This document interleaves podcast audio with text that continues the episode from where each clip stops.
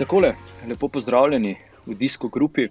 Um, kot lahko vidite in slišite, se skoraj da uh, igram skrivalnice uh, z otroci tukaj v tem letovišču, kjer sem. Uh, ampak nič ne de, v moji družbi sta Martin in Matej. Blaž se je danes v zadnjem trenutku upravičil. Uh, tako da ja, bomo mi trije skupaj, malenkost z zamikom, uh, sicer uh, predebatirali uh, zlato medaljo na olimpijskih igrah. In pa seveda včerajšnji uspeh uh, Mateja Mohoriča, ko je bil drugi na klasiki San Sebastian. Ampak za začetek lepo pozdravljen, Martin in Matej. Živijo. Čau. A sta dobro? Odlično, prijetno sem utrujen po včerajšnji vožnji. Bolje kot vreme. Aha, imate slabo vreme. Ja, pa bi se temu tako rekli. Ja. Okay, okay. Um, ja, Martin, si tudi ti imel uh, kakšno ekshibicijo na kolesu, tako kot smo te včeraj? Ne, ne, ali pa ta danes. Vikend, ta, ta vikend sem bil prost, tako da med tednom in pa ta teden, če bo vreme, vreme dopuščal. Čakaj, temu, ka, temu, kar sem jaz delal, se reče ekshibicija ali kaj? Kak, eh, kak dan, ko si bom vzel za izlet s kolesom. Ja. Ne, a, a temu, kar sem jaz počel, se reče ekshibicija. Ko pač videl. videl... Uh, jaz se ti upravičujem, zdaj te nisem v tem trenutku čisto nič slišal. Aha, ne, ne, pravim, če se temu, kar sem jaz počel, reče ekshibicija, ker veš, videl me ni noben v njih kočevskih gozdovih, skoraj nihče ne. In vmes sem prišel eno čudno vas, pa niso bili kaj dosti navdušeni nad mano.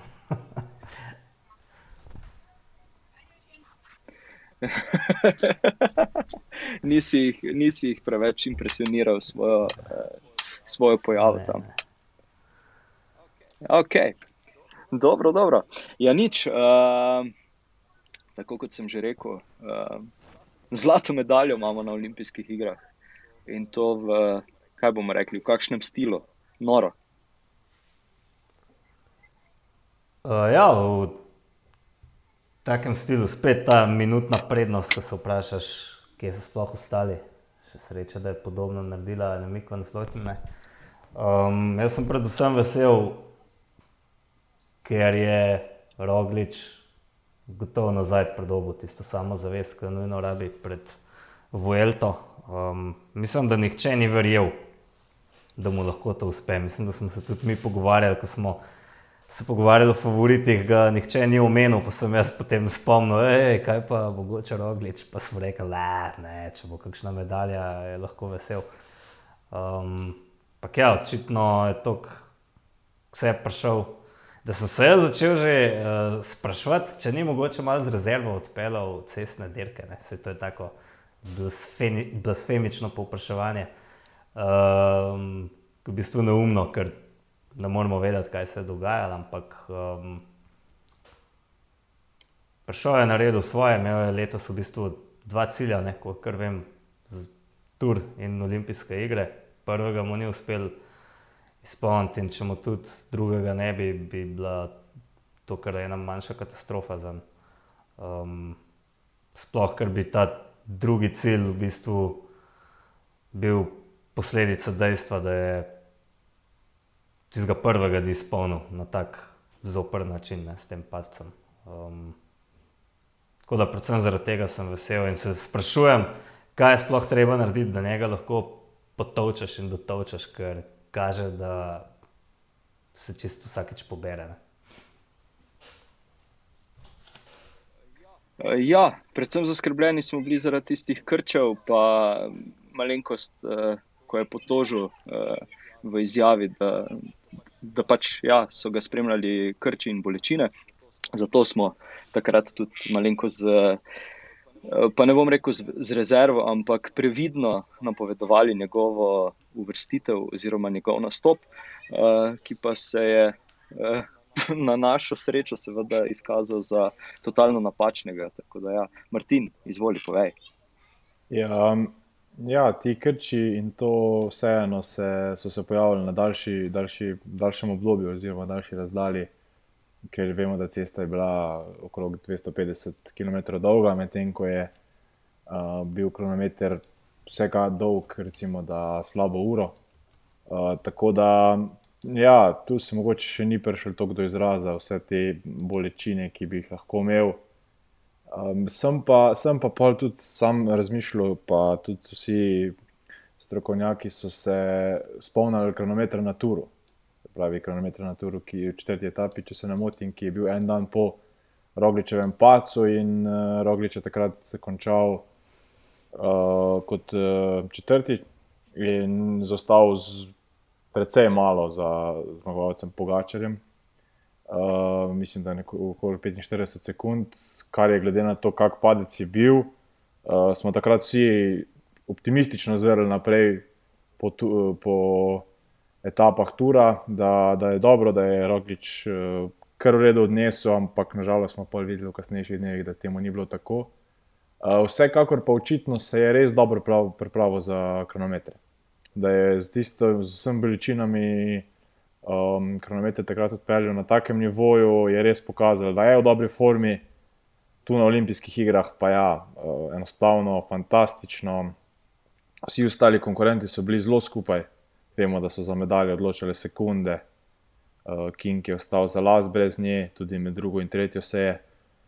Mm, bil hud boj, med prvim in drugim pa razlika minuta. In ja, to je spet ena od tistih zmag, uh, podobna lanski, recimo, uh, Pogačarjevi na Turu. Uh, s tem, da tam je bil še nekoliko težji vzpon na Planš de Belfi, da se tam še večja razlika lahko naredila, ampak tudi takrat je Pogačar popolnoma deklasiral tekmece in to je na olimpijskih igrah storil tudi Primoš.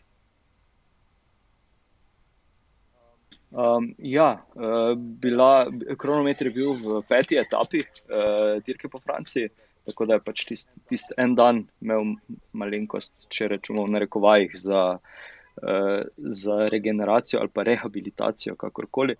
Um, je pa predvsem tako senzacionalno, kot so, kot so tudi drugi opisali, predvsem sem zaprl usta in pokazal, da da čeprav je skromno na koncu rekel, da se mu pa kdaj, pa kdaj, kak kronometer uh, posreči, uh, je vseeno, mislim, da, da kar šlo v. v Če pogledamo njegove prejšnje kronometre, je tudi tale sedaj uh, bil v samem vrhu. No.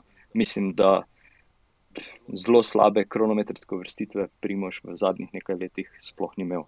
Uh, Matej, izvoliš. Potem se seveda postavlja vprašanje, spet, kaj bi bilo, če ne bi bilo. Ne? Um, če bi on dirkal na turu. Um, sem, mislim, da že enkrat rekel, bi večkrat ublažil to, ta prepad med pogačarjem in vsemi ostalimi, vse skupaj bi izgledal mogoče večkrat bolj normalno, ne? ker bi pač se dva borila temu v spredju. Um, Tako da, ja, to. No. Druga stvar, pa hočem reči, pa, da so bili spredaj uh, sami kolesari Jumbo Vizme. Um, če pač je res, da bo Ron Denis pristopil v Jumbo Vizmo, uh, so imeli med prvimi tremi, no, so bili praktično trije kolesari Jumbo Vizme. Um, in potem še Vaut van Ert in se spet lahko vprašamo, kaj se lahko s tako ekipo zgodi, če imaš kakšen ekipni kronometer. Um, mislim, da lahko kar marsikoga deklasirajo. Ne?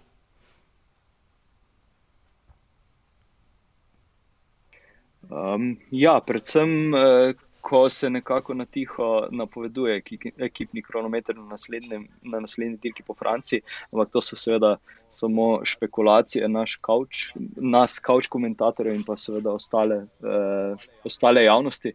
Zato bomo mogli še malenkost počakati, eh, da bomo videli, kaj in kako. Uh, Martin, preden ti dam besedo, bom, bom samo še navrgel vprašanje, če vaju je uh, presenetila kakšna slaba predstava katerega od kolesarjev, pa, pa mogoče ti prvi, Martin, pa potem Matej, jaz pa na koncu. Uh, zdaj le izgledaj, v bistvu, da bi rekel, da me je slaba predstava. Mogoče ne bi slaba, ampak pričakovali smo definitivno več od uh, Vautova Nerta, šesto mesto, daleč tega, da je slab rezultat, ampak nekako glede na pričakovanje, sem ga sam, vsaj sam pričakoval, vsaj med medaljami, če ne celo suvereno zmago. Uh, potem pa nekako prijetna presenečenja bi raje izpostavil, uh, recimo Stefan King in pa Filipo Gana sta glede na to, kakšna trasa je bila, vsaj za me odpeljala zelo soliden uh, kronometer. Vemo, da ima je v bistvu zmanjkalo res par sekund, King celo nekoliko manj do medalje. Rigoberto Ran na osmem mestu, tudi za njim, o prihodu v cilj je prehitev. Uh, Remka Evenopola, ki je takrat vodil z ogromno prednostjo in takrat se je namigovalo celo, da bi da to bilo dovolj za medaljo. Kasneje smo sicer videli, da je to seveda daleč od tega, da je to v bistvu več kot minuto uh, zadaj za medaljo, ampak vseeno, da bi pa rekel, da, da pa sem od koga, od kolesarjev, ki sem ga pričakoval med, medaljo, med medaljami ali pa med top 5, pa mislim, da ne. Ja, glede na to, da, da, da sem jaz slovo Nerta napovedoval kot zmagovalca, bi kao mogel biti razočaran. Ampak treba vedeti, da je on v, eh, kaj bi v soboto bila cestna dirka, pokuril ogromno energije, on je pokrival vse živo. Um, tako da me sploh ne preseneča, da mu tokrat pač ni šlo in za seboj je imel turne. Um, vidimo, prvi trije so prišli na štart brez ture za seboj, in tukaj se potrjuje to, da na cestni dirki um, udeleženci tura lahko potem v roku enega tedna, dveh to formo še prenesejo na kakšno enodnevno dirko, um, medtem ko za kronometer pa velja obratno, ne? pa treba iti na svežino. Um, kar se tiče razočaranj, mogoče sem jaz vseeno več pričakoval od Remka in Venepula. Um, mogoče ne ravno medalje, ampak mislim, da ima kar težave no, po tisti poškodbi spet ujeti pravi ritem. Se to ni recimo, ne navadno, ampak um, tako malo me skrbi, no, da so mogoče njegovi najboljši dnevi že za njim. No. Um, Bojim se, da bi se vem, zaciklal en tak krok nekih neuspehov, ki so problematični zaradi tega, ker javnost v Belgiji od njega tako veliko pričakuje. In tam so pritiski na kolesarje, um, strani medijev, dosta večji ne, kot pri nas. Um, če me še kdo razočaral, ne, ne, mogoče remikovanja na tistem 17. mestu, to jaz, mislim za ta zgo kolesarja, vse skupaj, ne skoraj. Um, recimo spet Alberto Betiol šel dober, recimo, to je, on je bil na 11. mestu, ni kronometrist, pa se tako dobro pelal in um, tako kome čakam, no, Paris Robe, ki bo letos uh, uh, v oktobru, ne, šele, uh, in pa svetovno prvenstvo, ne, ki je tudi recimo na njegovo kožo pisano.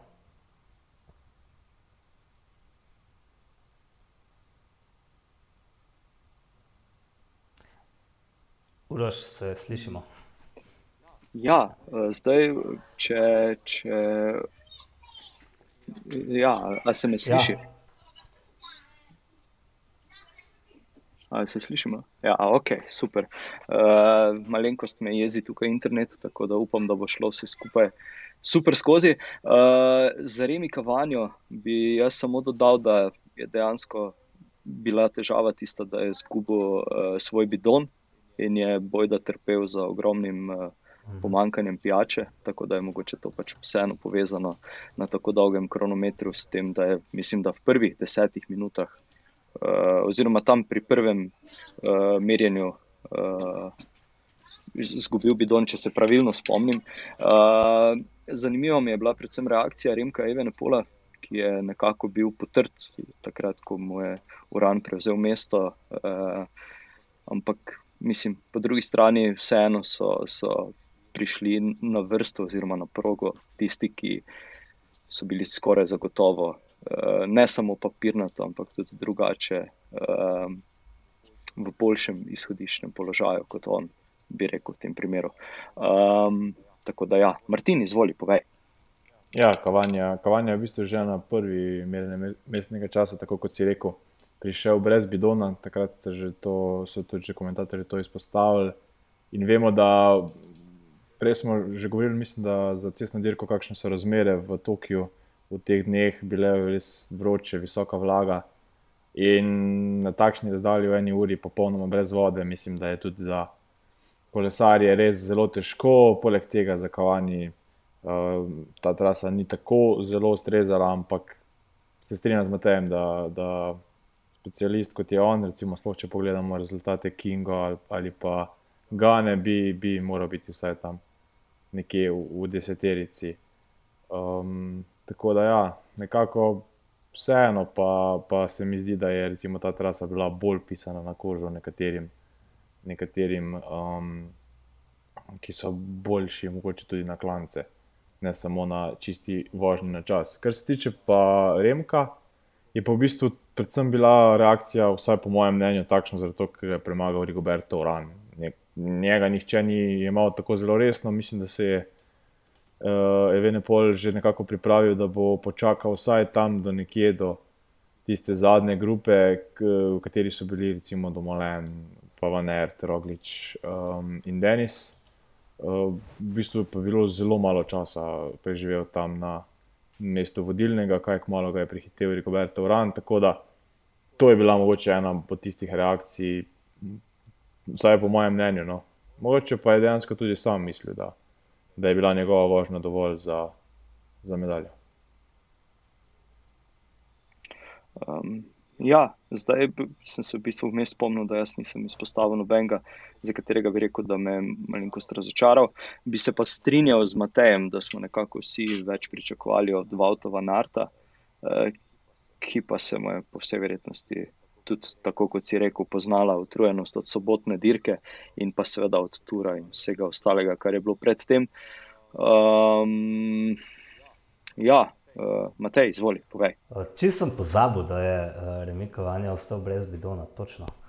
Um, ja, um, upravičeno je bil za nič. Uh, ja, na Rigoberta Urana smo pa kar vsi večkrat pozabili, no, ker se mi tudi zdi malo skoraj nepošteno do njega, glede na to, kako je odpeljal tisti kronometer v, v Švici. Ne, v Švici. Um, kako hitro pozabimo no, na take fante. Samo zaradi tega, ker je pač zaribal v zadnjih dneh na Turu, smo ga vem, izključili iz kroga favoritov, tako cel svet, ne samo mi. Um, potem pa tako, da odpelje res zelo dober kronometer, vse da tudi on ni specialist, ne, kot Primaš rogič, prav, da ni specialist za kronometer. Um, da, ja, to je mogoče eno tako ne presenečenje, ampak tako prijetno ga je videti, glede na to, da je zelo simpatičen kolesar.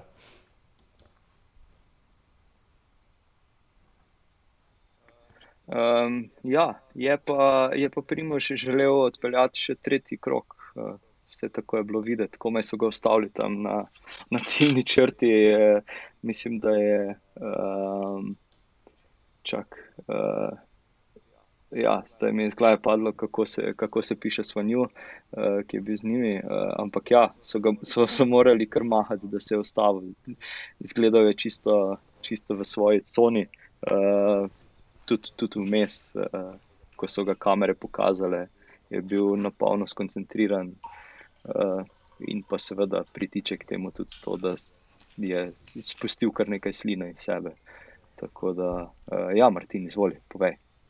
Ja, tam to je dejstvo, da primoš ni vedel, kje je cilj, pomeni, da niti ni sprintal. Koliko na kilometru ta sprint sploh pomaga, sploh pri minuti prednosti.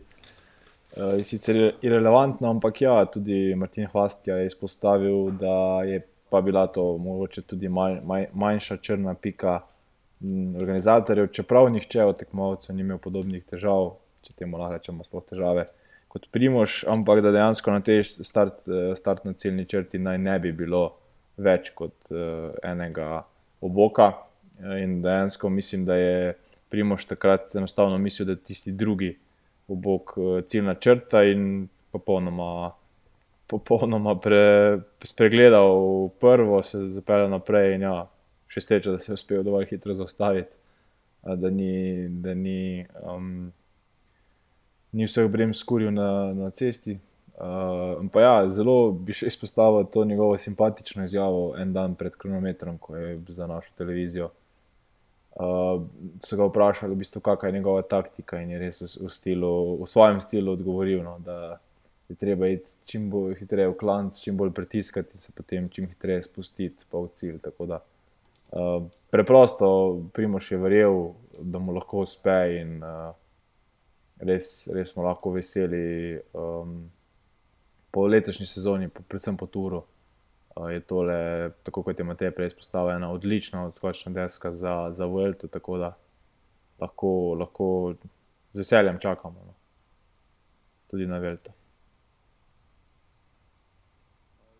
ja, mogoče ni šprintal tam v ciljni ravnini, zaradi tega, ker je vmes moral z Kasperjem Mazgrenom uh, biti boj na spustih in uh, klancih. Uh, tam, sta, tam sta drug drugega prehitevala. Um, pa vmes še žal Almeida, če, če me spominja vara. Tam v tistem oskem ovinku je vse skupaj izgledalo kar, kar napeto. Uh, predvsem zato, ker se mogoče Asgren nekako ni, ni želel uh, predati. Matej, izvoli. Jaz se še vedno sprašujem, ali je to mu pomagalo, da je še kakšno sekundo pridobil, ker se je imel nekaj zavetar, ali obratno, ne, ampak niti nima veze. Če bi odločili sekunde, bi po mojem bila to kar tema, ne? kako so se oni tam vozili, prehitevali drug drugega. Um, tako pač, ker je bila minuta razlike, uh, se o tem ne sprašuje nihče. Se pa meni že na začetku zdel, zdel ta interval, minuto pa pol, mogoče večkrat kratek za eno tako prireditev, um, ki tudi sicer ne traja predolgo, glede na to, da je štartal samo 39 kolesarjev. Um, ne vem, če točno zakaj niso dali intervala na dve minuti. Um, ampak, le, se nima veze. Bilo je zabavno gledati no, ta nekaj časa, ja. skoraj ekipni kronometer. No. definitivno. definitivno.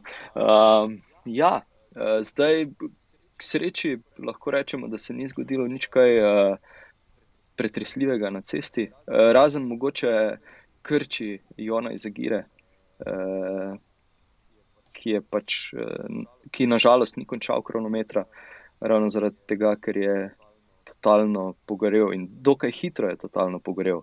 Uh, Martin, izvoli. Ja, zdaj um, čistočnih počp podatkov, kasneje nisem, nisem niti iskal, kaj je bilo z Jonom. Um, nekako enostavno, očitno je šel, je šel preveč močno v začetku, bil je tam na prvem merjenju mestnega časa, okrog 20. mesta. Um, tako da na progi ni bil niti tako zelo dobro, da bi se to poznalo na kakšni končni uh, uvrstitvi. Drugače pa, ja, kot si omenil, no, brez nekih uh, večjih uh, posebnosti, trasa je bila, vsaj za moje pojme, kar zanimiva za kronometer, res um, razgibana, tudi dokaj tehnična, potem na koncu na, na stezi pa, pa še precej hitra, tako da v bistvu vsi elementi um, nekako vožnje. Na času bili tukaj, uh, so prišli do izraza, se pravi, bili so kar hitri spusti, uh, nekaj je bilo tudi usponov, in pa na koncu še v, na, na na pisti oziroma stezi, še potem do, do izraza prišla tista čista aerodinamična drža in pa, in pa absolutna moč, ki jo, ki jo kolesarji uspejo proizvajati. Zdaj, kar meni pa niso všeč te. Um, definitivno se strinjam. Ja. Meni pa niso všeč te uh, dirke na dirkališčih, ne cestne, ne kronometri. Deluje ena široka cesta, tako kot da so tam eni palčki na njej vem, na cestni dirki je to mogoče še bolj očitno. Eh, je pa gotovo fajn, ker je zelo dobro guma, prime v Vinkih, pa nagradi so, tako da to mora, mora biti pa užitek no, za kolesarje, sploh na kronometru to voziti. Um, tako da, kar se proge tiče, jaz mogoče nisem bil ravno navdušen, um, ampak v redu, jaz razumem, zakaj so se tako odločili. Bilo bi dosti bolj simpatično, če bi dejansko lahko bilo več gledalcev um, na dirkališču. Tako pa je to mogoče večkrat izgubilo smisel. No. Um, ja, zdaj uh, sem malenkost uh, so mi ušle misli in ne vem točno, kaj sem želel povedati. Uh, tako da, ja, superca. Prosti, uraš. Um, ni panike, ni panike. Bom poskušal zdaj nekaj izvid uh, iz tega. Uh, bom, bom takoj na začetku rekel, to, da, si, da si danes, uh, mislim, da danes včeraj, uh, ob sliki Primoža Rogiča tudi to izpostavil, da ti, da ti je všeč, kako so se nagibali v ovinkih, ker je res. Uh, Zgledalo atraktivno, tako kot motoristi. A, že vem, že vem sem, že, se, sem se že spomnil. Uh, ja, namigovanja na to, uh, kakšno kronometrsko kolo, oziroma kako bodo okrasili uh, Primoža. Uh, kaj bi si vidva želela videti, uh, mogoče na njegovi čeladi, dresu ali pa na kolesu kronometrskem? Jo, jaz upam, da ne bojo šli preveč v to, kar kaže, da bojo naredili uh, Richardu Karapazu, tisto zlato kolo, če cel okvir zlat. Ne vem, no, to se mi zdi malo preveč pretenciozno. Ej, na tak način, ali imel nekaj časa zlato kolo tudi Greko Navrmet, to ne vem, ampak že ja. tista zlata čelada mi je ja. delovala. Mogoče mečkam preveč, jaz sem bolj zagovornik enih takih minimalnih insignij, um, ki pa vse niso zgrešljive. No. Um, mogoče ne vem, kakšen ni olimpijski krogi. Um, bi rekel, da tako čim manj, ampak vse en opazno. No. Kaj pa ti praviš, Martin? Ja, tudi jaz mogoče bi raje kot popolnoma uh, zlato kolo videl neke, neke detajle uh, napis, recimo uh, servelo z zlatimi črkami in pa mogoče kakšnega orla oziroma skakalca.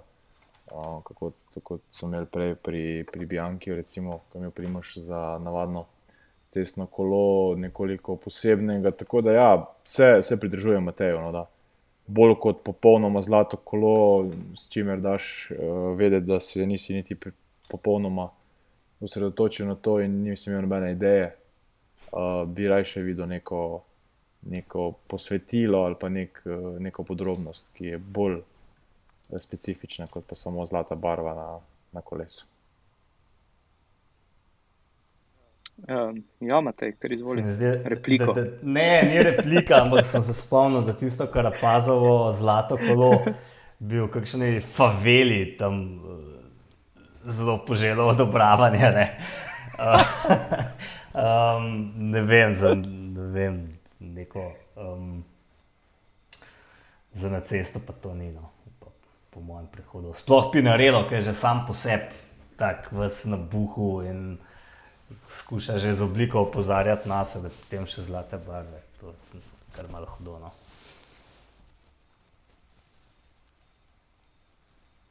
Ja, se tudi uh, ganino.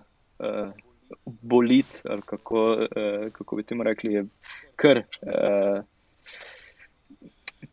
Ja, uh, kar uh, iskal poglede, oziroma bil kar flashy s tole rdečo. Čeprav sem vsaj po slikah jaz uh, sodel, da bo, da bo takšen kromiran izgled, oziroma pač gol, gol krom, ne rdeč krom.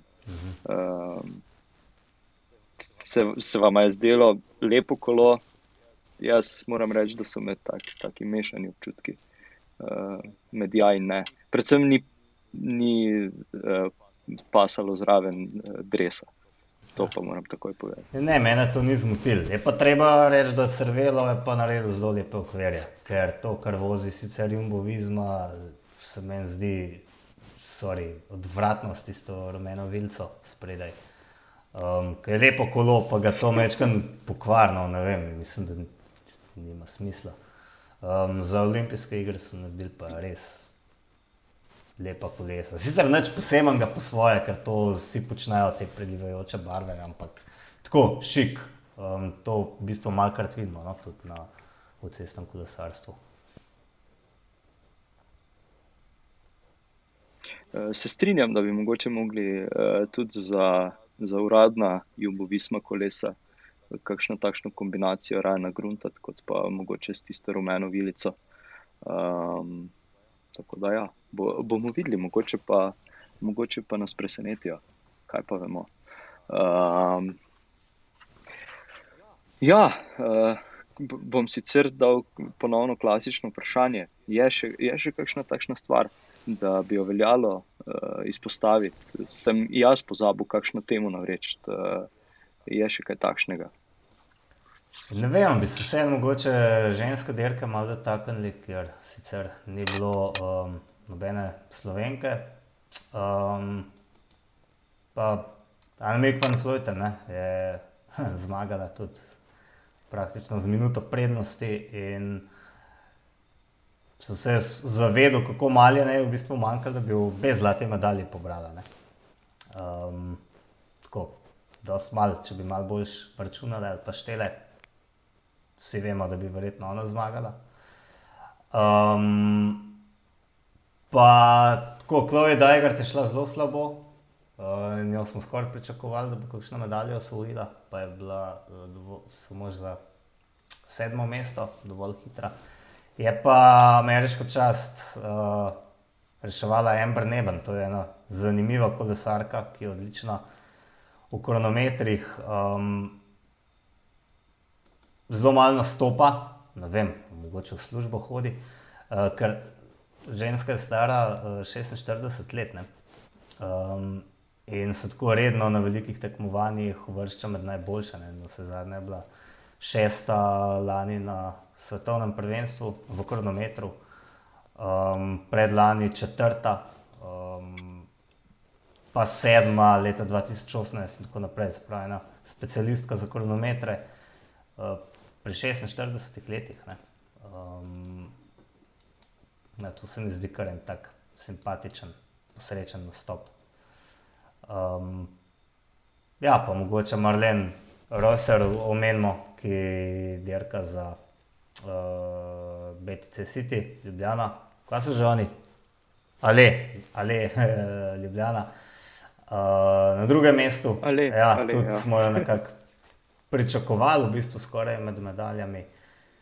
In vem, moja favorita je Ana Vanderbregen, je bila pa potem tretja in bo očitno s to bronasto medaljo zaključila svojo bogato kariero.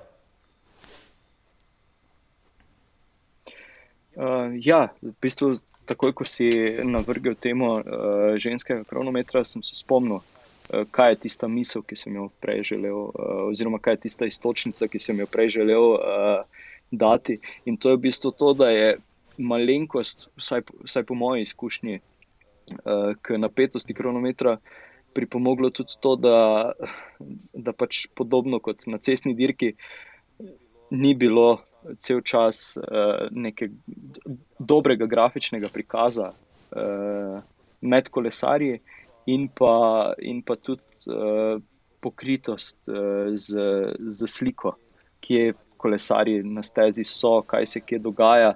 Uh, mislim, da, mislim, da določenih kolesarjev, pač predvsem, seveda, tu primoža, ki je, ki je naš. Uh, zelo veliko časa nismo videli in nismo vedeli, kaj, kaj se zdaj za hudiča z njim dogaja. Uh, tako da mogoče samo to še moje mnenje vmes, uh, kot intermeco za nazaj. Uh, Martin, izvoli. Ja, če se navežem na to, kar si ti zdaj povedal, ja, v bistvu jaz sem poleg spremljanja samega prenosa bil še v bistvu na PCC-ju in tam so bili um, rezultati dovolj ažurni in tudi uh, v mestni časi so se precej hitro posodobili, tako da sem imel občutek, kako je s primoržem in ja, nekako sem upal, da, da zdrži do konca, da ni, da ni šel prehitro. Uh, od štarta, kar se tiče pa ženske dirke, pa tudi ja, Chloe Degger, očitno še ni v formi, kot je bila pred tistim pacem, um, nekako tudi ne dirka tako veliko, uh, tako da bo še potrebovala verjetno kakšno sezono, da pride popolnoma nazaj, na vrhu pa ja, Anemik van Vlojten skoraj da uspela mm, združiti obe zlati medalji, končno je dobila to, kar je na cesti um, se izmuznilo, Ana van der Bregen pa, pa v stilu zaključuje svojo kariero. Uh, bi pa tu spet izpostavil, da je dejansko tudi podobno kot Primož um, nekako deklasirala celotno, um, vse preostale kolesarke, potem pa so bili tudi precej skupaj. Ne. Recimo od drugega do, do Chloe Degert, ki je zaostal nekoliko več, so bile te, teh pet kolesark od drugega do šestega mesta zelo, zelo skupaj, se pravi, manj kot minuto. Tako da, ja, podobno kot pri moških, pri moških, eh, ko je nekako odstopal Primož, tako je tukaj Anemik eh, nekako uspela narediti to razliko in mirno pripeljati kronometer do, do cilja. Definitivno, definitivno. Um, ja, um, moram priznati, da, da si ženske dirke nisem ogledal. Uh, niti mi je ni uspelo pogledati za nazaj. Videl sem samo, da je Annika van Vluten uh, zmagala in pa seveda uh, vse ostalo. Ampak ja, um, je, se je mogoče na, na ženskem kronometru tudi zgodila kakšna neprijetna situacija, tako kot uh, Remi Kavani, ki je, ki je zgubil uh, bidon. Um, ja, ima mogoče kdo odvajal uh, kaj informacij glede tega. Ne, ne, da bi vedel. Da je vse potekalo čisto ok. Torej, razen uh, slabega grafičnega prikaza, uh, moramo organizatorje vseeno pohvaliti uh, za dobro speljani trasi, uh, tako cestne kot, uh, kot uh, kronometrske uh, dirke. Ali se ne strinjamo? Ne, ja, ja, razen tega zaključka na dirkališču, boh pomagaj. Um, sploh cestna me je tako navdušila, ker sem se bal, da bo rahla dolgočasna. Um, s temi dolgimi klanci in potem to Tomek se je izkazal, da je bil zaključek v bistvu nekako spominjal na kakšne belgijske klasike s temi krajšimi, pa relativno strmimi klanci, tako da se je v zaključku kar dogajalo. No. Tudi na samem dirkališču, na vse zadnje, ki je speljan tako zelo zanimivo po klančkih gor in dol. In ko že omenjaš klasike. ja. Uh, ja. Mogoče začnemo s tem, da sem jaz mislil, da je, da, da je prosti. Sem skoraj mislil, da je na Miku in Floydu še na poti, ne? ja. nekakšne stoke, ampak je ona vmes potem že zmagala v San Sebastianu. Da, um, ja, to bo zdaj malo težko ustaviti, zgleda do konca sezone.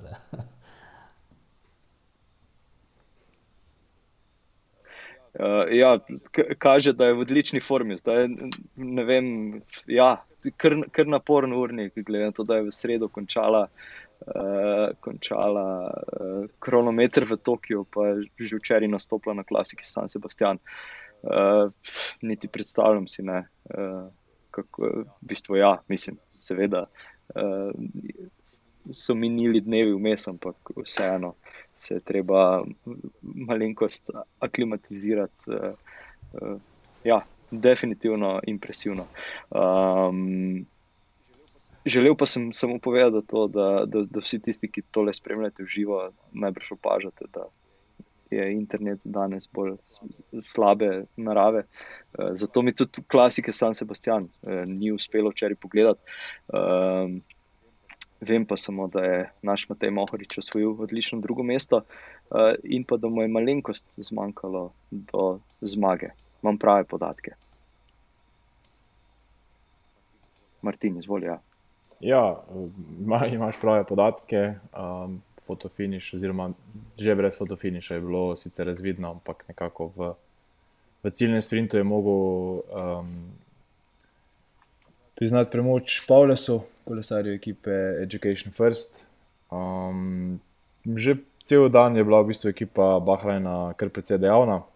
Uh, že v kar zgodni fazi dirke je, je bil dejaven uh, Mikel Landa, potem, potem pa sta bila dejavna še Matej Mohorič in pa Mark Padun. Uh, tako da, ja, takrat se je potem, kasneje, izoblikovala uh, nekako četverica kolesarjev, ki je potem proti cilju na zadnjem klancu se, se nekako peljala skupaj. To so bili spravi Nelson Pavles in pa Matej Mohorič, uh, Mikel Honore, kolesar ekipe Dekoni Quickstep in pa kolesar ekipe Inter Maršev Antikober, Lorenzo Rota. Zdaj, ta zadnja dva kolesarja sta bila upletena v eno nesrečo, takoj, kar malo po začetku spusta, je v bistvu na čelu te četverice bil Matej Mohorič, ki je v enem od desnih ovinkov nekako preveč po notranji strani prišel Vinik in se je sam sicer še uspel uh, zelo dobro rešiti, je uspel speljati ta Vinik, uh, žal ni isto uspelo uh, Onoreju ki je padel in za sabo pokusil še Lorenza Roto.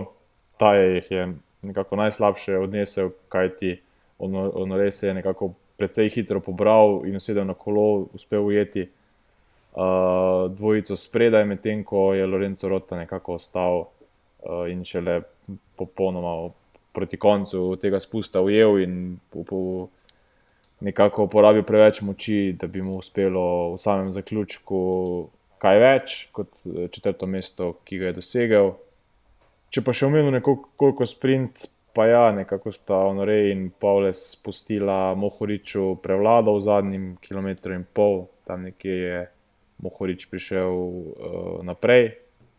In nekako začel precej zgodaj s sprintom, mogoče malce, malce, malce Eh, prehitro, ampak ja, na koncu je bil Pavles v sprintu močnejši, tako da je uspel zmagati za, za, za pol dolžine kolesa. Recimo, uh, izpostaviti pa še treba, recimo, prvega favorita, uh, Juliana La Filip, uh, je skupaj z Benalom, vsaj na papirju, veljal za. Za glavnega favorita te dirke, končal je na šestem mestu, se pravi, drugi drugi je prišel v cilj, potem tisti drugi skupini, uh, premagal ga je Alessandro Kovi. Um, tako da, ja, um, zanimiva dirka, um, spet nekako smo nazaj. Uh, klasike, klasike se bodo zdaj tudi jesenske začele, uh, in pa tudi, kot je že, um, kot je že Matej povedal, tudi Paris Robe se je letos ponovno predstavljal ta jesenski termin, tako da tudi za te kolesarje, ki niso um, tako zelo vešči, trotedenski dirk, uh, bo namenijo kar nekaj dirk. Kursko, superca, superca. Uh, Matej, kako si, kako si ti videl? Včerajšnjo dirko. Ja, najprej klasika San Sebastian je ena tako nerodna dirka, niti nima prav zelo uh, dolge zgodovine. Mislim, da je bila leta 81 prvič organizirana. Um, zelo lepa dirka, simpatična, ampak ta termin med Turom in Vojelto, da vem, takrat si vsi želimo malo miru. Gremo na morje, na krk, ne? niti interneta nimamo. In, tako se mi zdi, da zelo ja. malo ljudi to gleda. Je pa lepa dirka, ker običajno zmagujejo uh, klančarje. In, um, moram priznati, da sem videl, da bo Mohorič nastopil, sem se rekel, pa dobro, se, mogoče bi pa tudi on znal kaj narediti. In evo, točno to se je zgodilo. Um, treba je reči, da je on v bistvu derko naredil po tem zaključku, um, bil spredaj na spustih, um, naredil potem tisto napako sicer. Um, bi rekel, da Mikelo Noreniti ni padel za njim, ampak se je samo zaletel v grajo, odbil, mislim, da sploh ni na tla preletel, da je samo kolo pobral in šel naprej. Um, Medtem ko Lorenzo Rota, Lorenzo Rota je pa čez njegovo kolo padel, se pravi čez Honorevo kolo. Um, in pač potem ostal brez vsega. Um, dobro, do četrtega mesta je prišel. Uh, ne, sem pa, da se je takrat tudi odpeljal, ker je boljši vzel tisto vink. On je tudi v izjavi potem rekel, da je gledal na Garmin uh, oziroma na Števc kakšna je trasa, je tisto vink videl, ta vink, ki ga je Mohorič očitno podcenil ali ni dobro ocenil. Um, tako da se je takrat odpeljal, je moral tudi Mohorič njega ujeti, pa potem za njim uh, onore oba skupaj. Uh, na koncu pa je bil Mohorič kar precej slabe vole, uh, govoril je o tem, da je delal nekakšne napake. Se, to se je videl, verjetno bi bilo bolje, če bi čakal na uh, ciljni sprint, ampak je kakšnih 1300 metrov pred ciljem napadel. kar mu ni uspel, uh, se ne da bi se lahko zaradi tega ostala dva, ki je bolj šparala, ker so bile razlike med njimi take, da so morali vsi garati. Um, ampak enostavno na koncu je odšprintal Nelson Pavels, za katerega res ne bi pričakoval, da bo odšprintal Mateja Mohoriča. To je bila celo prva američanova zmaga med profesionalci. Um, Matej mi je potem rekel, da je tudi napačen prenos izbral. No? In ko sem gledal posnetek, potem še enkrat je bilo očitno, da vrti večkrat teže prenos od ostalih. Tako da mislim, da je bila to tista ključna napaka, za katero pravi, da je ne bo ponovil. Uh, mene predvsem všeč, da uh, je ob drugem mestu slabe vole. Ne? Drugo mesto je odlično, ampak to, da je on slabe vole, da to ocenjuje kot poraz, sam pove, kakšen šampion je. In, um, in, in da bo dejansko iz te napake, kao se nekaj naučil in, in naslednjič to bo naredil. Ne? Ja, potrkamo po lesu, da ne, uh, oziroma ne. verjamemo, da ne, definitivno. uh,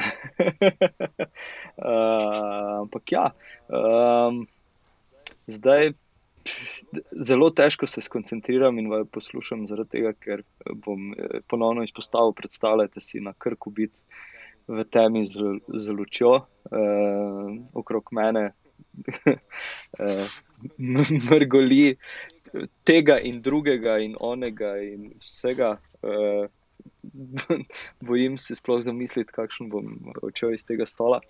Uh, ampak ja, uh, preden gremo na trivijo vprašanja, uh, se je še kakšna stvar? Ja, seveda, zgodilo se je polno stvari. Pat, Patrik Lefevre je označil Sema Beneta za psihično zelo nestabilnega človeka, čeprav uh, mogoče pač uh, to. Uh,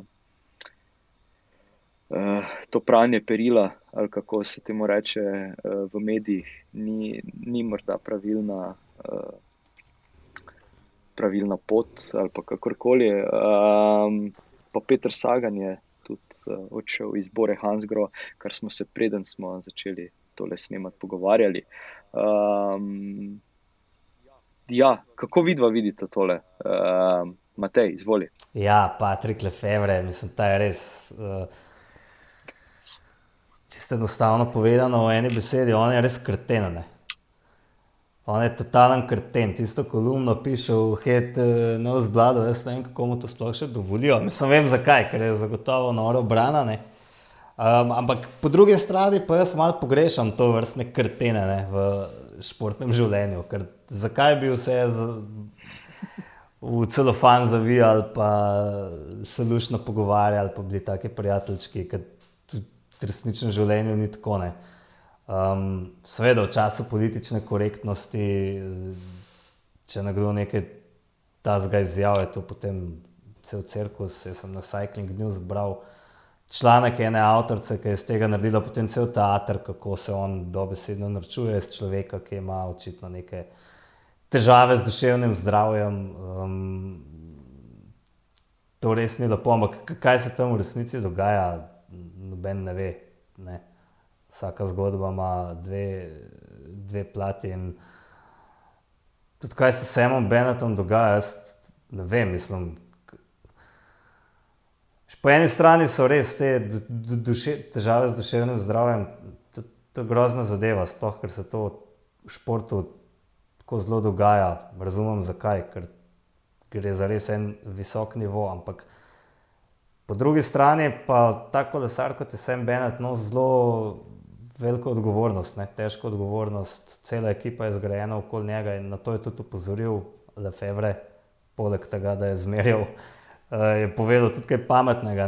Pravi, če imaš celo ekipo, ki jo okrog nekoga zgradiš, potem pa ta človek, cinca bi šel ali ne bi šel, pa ne vem, ni očitno čist po pravici povedal, kaj je s tisto njegovo poškodbo kolena. Ne vem, to tudi ni prav. Um, in vem, tudi v normalni službi te na koncu koncev nihče ne vpraša, konc večera, mislim, konc delovnika, a ti je luštno, ali ne vem, imaš kakšne težave, a se rabaš še dodatno dopust, ampak pač šraufajo. Ne? In to ni prav, ampak se mi zdi, da v športu pač ni nič drugače. Če imajo fanti težave, bi jaz od njih pričakoval, da poiščejo pomoč pravočasno, denarja imajo dovolj. Um, če si cel svet hodi k psihoterapeutom, mislim, da bi bilo popolnoma normalno, da to počnejo tudi profesionalni kolesari. Pa bom rekel, ne pri nekih ekipnih psihoterapeutih, kot nekateri um, kričijo po državnih omrežjih, da bi morale ekipe skrbeti za duševno zdravje, ker mislim, da ekipnemu psihoterapeutu nihče ne bo povedal po pravici tistega, kar ga tare. In to vem zato, ker sem se o tem pogovarjal uh, z nekimi profesionalnimi kolesarji. Um, ne, pač vsak mora zase poskrbeti v tem težkem svetu. Um, to govorim zato, ker sem imel tudi jaz težave in uh, vem, kako težko je. Najprej ti bo psihoterapeut rekel, da je življenje pač tako, da je zajebano in da se moraš z njim pač soočati.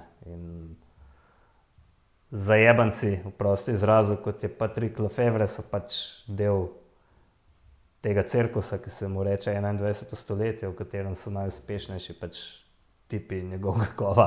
Recimo tudi Ralf Denk ni bil ravno prijazen v izjavah za javnost do Petra Sagana. Ne?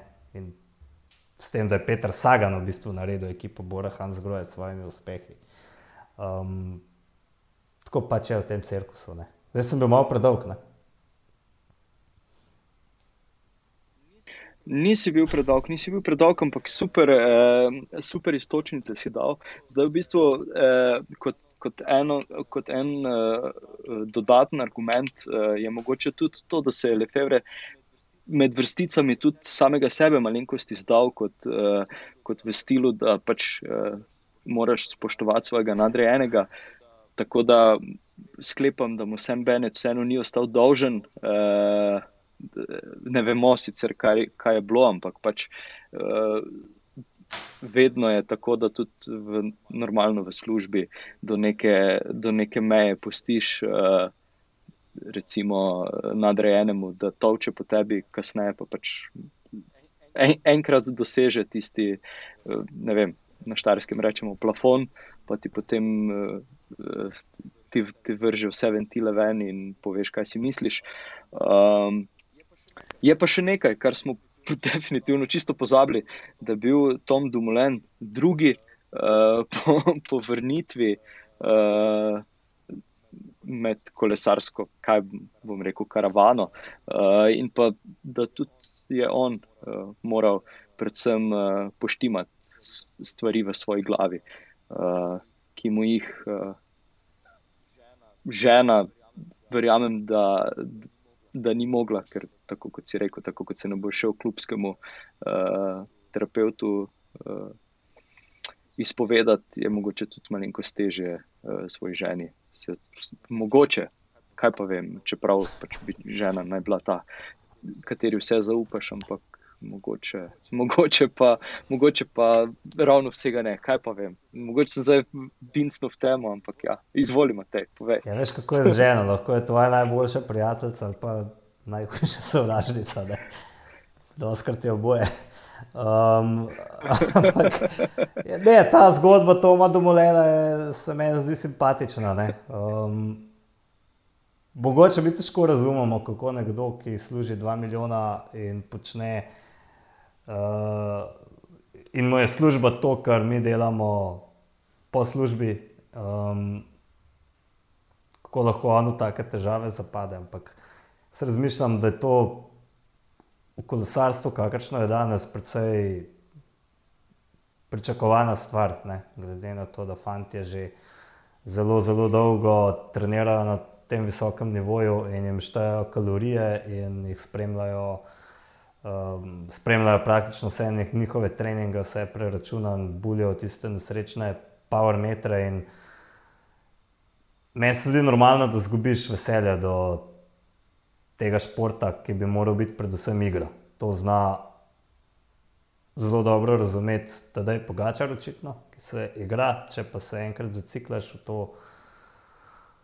nesrečne številke, um, pa se mi zdi, da lahko kar hitro pozabiš, kaj je v bistvu vse skupaj smisel. Ne? In to včasih še toliko težje razumem ljudi, ki po službi, kjer morajo dosegati neke cilje in izpolnjevati plane in premetavati številke, potem grejo na kolo in tam počnejo dve uri. Isto kot v službi, praktično, to meni še zmeraj uganka. Ampak um, taka zgodba, kot je bila pri Domulenu, mi je všeč, je, čeprav razumem na neplačen dopust, to mu je ekipa omogočila in ta zgodovodajalca bi si pravzaprav vsak želel. Um, tudi, ne vem, kdorkoli, ki nekje dela ali v fabriki ali v odvetniški pisarni ali kakorkoli. Gotovo tudi zaradi narave dela podobne težave, kot jih imel Tom Dumoulin. Um, ja, se strinjam. Martin, uh, si, nam, si nama zaspal, kje si? Kaj ti meniš? ne, uh, tu smo zdaj v bistvu izpostavili, dejansko, če nekako to, kar združuje Beneta in pa Domolena, so tudi Domolen je takrat potožen no, po teh težavah, um, psihičnih težavah, da nekako se počuti praznega, to vsekakor spada tu, brez motivacije, da ne ve več, ali bi se s tem ukvarjal. Spravi, to je prisotno v športu, vedno bolj tudi javno izpostavljeno in to se mi zdi prav, da je. Um, nažalost, se v današnjem svetu, kar ne pride v medije, ne, ne rešuje. Pravi, dokler se neka stvar ne spravi v medije, se sploh o njej ne govori, in nažalost je tako, kot pač je. Prav je, da se o tem pač spregovori, da tudi mlajši kolesarji oziroma športniki na splošno vedo, da, da niso sami, da, niso, da ne potrebujejo iti čez tiste temačne, čudne obdobja sami, ampak da so ljudje na, na svetu zato, da jim pomagajo. Eh, zgodba, zgodba Beneta bomo še videli, kakšen konec bo imela, um, najverjetneje um, zapušča, zapušča ekipo. Uh, kar se tiče pa domolena, pa ja, sem bil tudi sam vesel.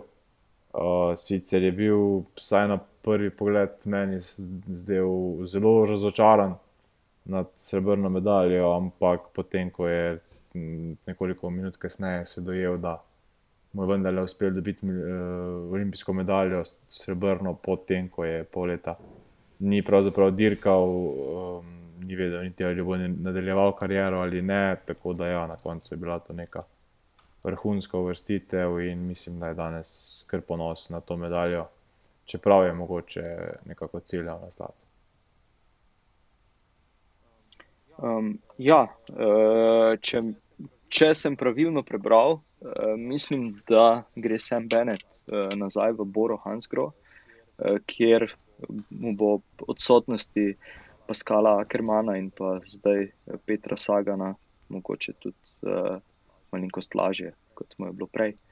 Um, tako da, ja, uh, Matej, izvoli. Povej. Ja, on gre v Boro Hansgro in tam je že bil, ne? in to je tudi ena od uh, tistih kretenskih izjav uh, velikega kretena Patrika Lefebvreja, ki je rekel, da je, um, če malo poslovenimo, da je on kot ženska, ki jo mož tepe, pa potem pride nazaj k njemu. Um, Vsem Benet očitno ima neke težave z ekipami, če se mu to kar naprej dogaja, ampak uh, kaj hočemo. Ne? Um, še nekaj sem hotel omeniti, ampak um, pustimo. Morda, morda kaj uh, glede Toma Dumolena? Uh, Mor, morda kaj okrog Toma Dumolena? No, ne, vse o njemu smo že vse povedali, vsakemu čast. Ne? Ne. Ja. Ja. Ok, ok. Uh, Martin, Martin, izvoli. uh,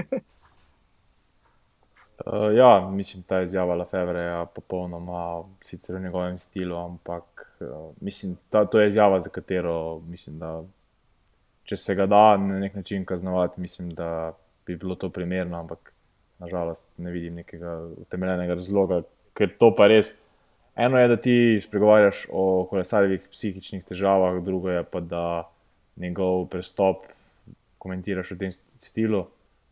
Um, tako da, ja, no, spet zelo nizek nivo in upam, da bo tega v prihodnosti čim manj. Definitivno se strinjam. Um, zdaj, uh, jaz. Uh, ja, kam sem pa zginil? Ne, se te slišimo. Nismo te slišali, ali da je. Halo, halo. Ja, evo te, te vidimo, slišimo. A, me slišite, ok. okay. Um, ja, dobro. Uh, želel sem reči, da uh, ne bomo preveč zašli, da ne bomo predolgi, če smo pripravljeni za trivija vprašanja. Um, ali še, še bi karkoli izpostavila, bi še karkoli omenila, je še kaj vredno omembe, preden uh, gremo v nov teden. To je po mojem to. Okay, okay. Uh, jaz bom kar uh, danes pohitev z trivija vprašanjem in uh, bom ga v bistvu uh, formiral tako, da bo, da bo odgovor znan naslednji teden. Torej, koliko komarjev me je vsekalo med snemanjem današnjega podcasta. Pa, pa poskusite dati neko številko, pa bom jaz potem tudi poskusil nekako prešteti uh, vse te pike. Vsi. Pa jaz mislim, da kakšnih 12 jih je bilo. Ne? Duce. Ja. Ja, v bistvu, vsi, vsi komarji, ko so v okolici okay. Krka. Ja, res je, je Bentiš. Eh, Evo, zdaj še bo očitno neka zabava. Tako da, Se ga napil. Ne? uh, um, ja, izvolite, kdo, kdo od vaju bo prvi uh, s trivijo vprašanjem?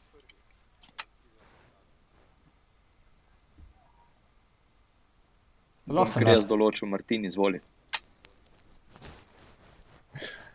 Okay. Okej, potem pa Matej. Um, Velja. ja, moje, glede na to, da zdaj v bistvu smo nekako imamo rahlo pauzo do, do Velte uh, in pa do dirke po Polski, je moje vprašanje vezano na Mateja Mohoriča in sicer v katerem letu in na kateri uh, dirki je Matej Mohorič dosegel prvo profesionalno World Tour zmago.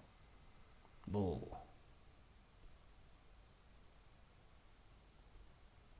Da to tam v, Dobro v, v vprašanje. Italiji, tisto, ki je zmagal uh, z enim brutalnim spustom.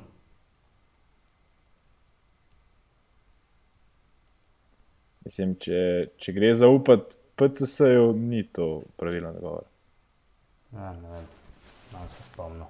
Um, mislim, definitivno World Tour prva zmaga je na dirki po Španiji leta uh, 2017, sedma etapa, um, ko je v bistvu ja, deka, nekako v, v Begu uh, usvojil to etapo. Še prej pa je dobil v bistvu dve profesionalni dirki v Aziji.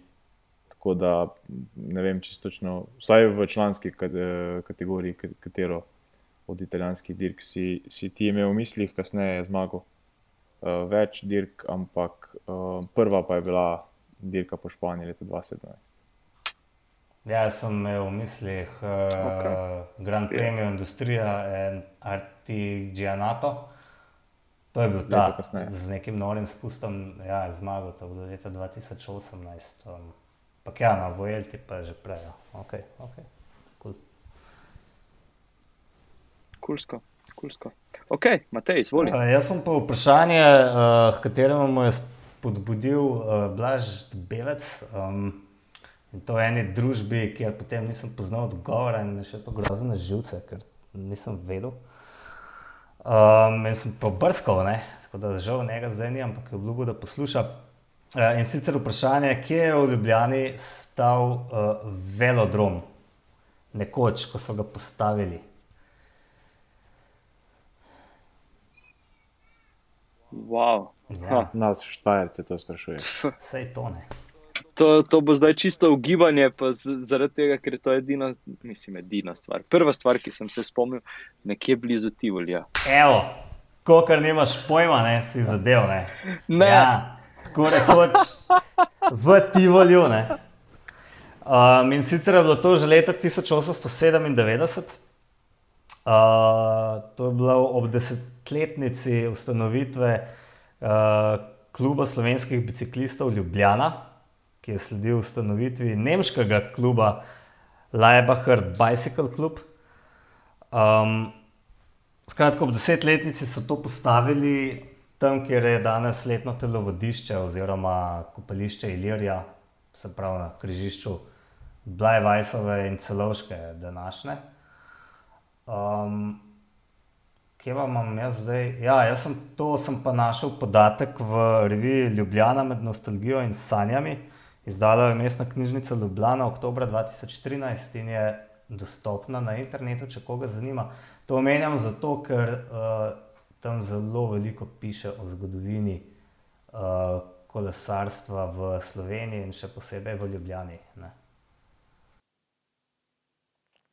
Ja, to je bila nek, neka zanimiva epizoda z kupom težav. V bistvu Uroš se, se srečuje s tem težavam, ki sem jih že, že navaden iz domačih okolij, ne iz morja. Da, uh, hvala vsem, ki ste poslušali to uh, epizodo, v bistvu zlato epizodo, um, zgodovinsko epizodo, v kateri smo govorili predvsem o kronometru.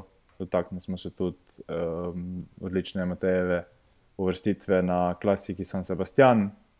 Um, tako da, ja, uh, bodite lepo, vozite kolo in pa se slišimo ob naslednjih uh, uspehih naših kolesarjev ali pa uh, kakšnih drugih kolesarskih dogodkih. Tako da, uh, vama hvala lepa, lepo zdrav tudi Blažo in pa se slišimo prihodnji teden ali pa kakšen teden. Adijo.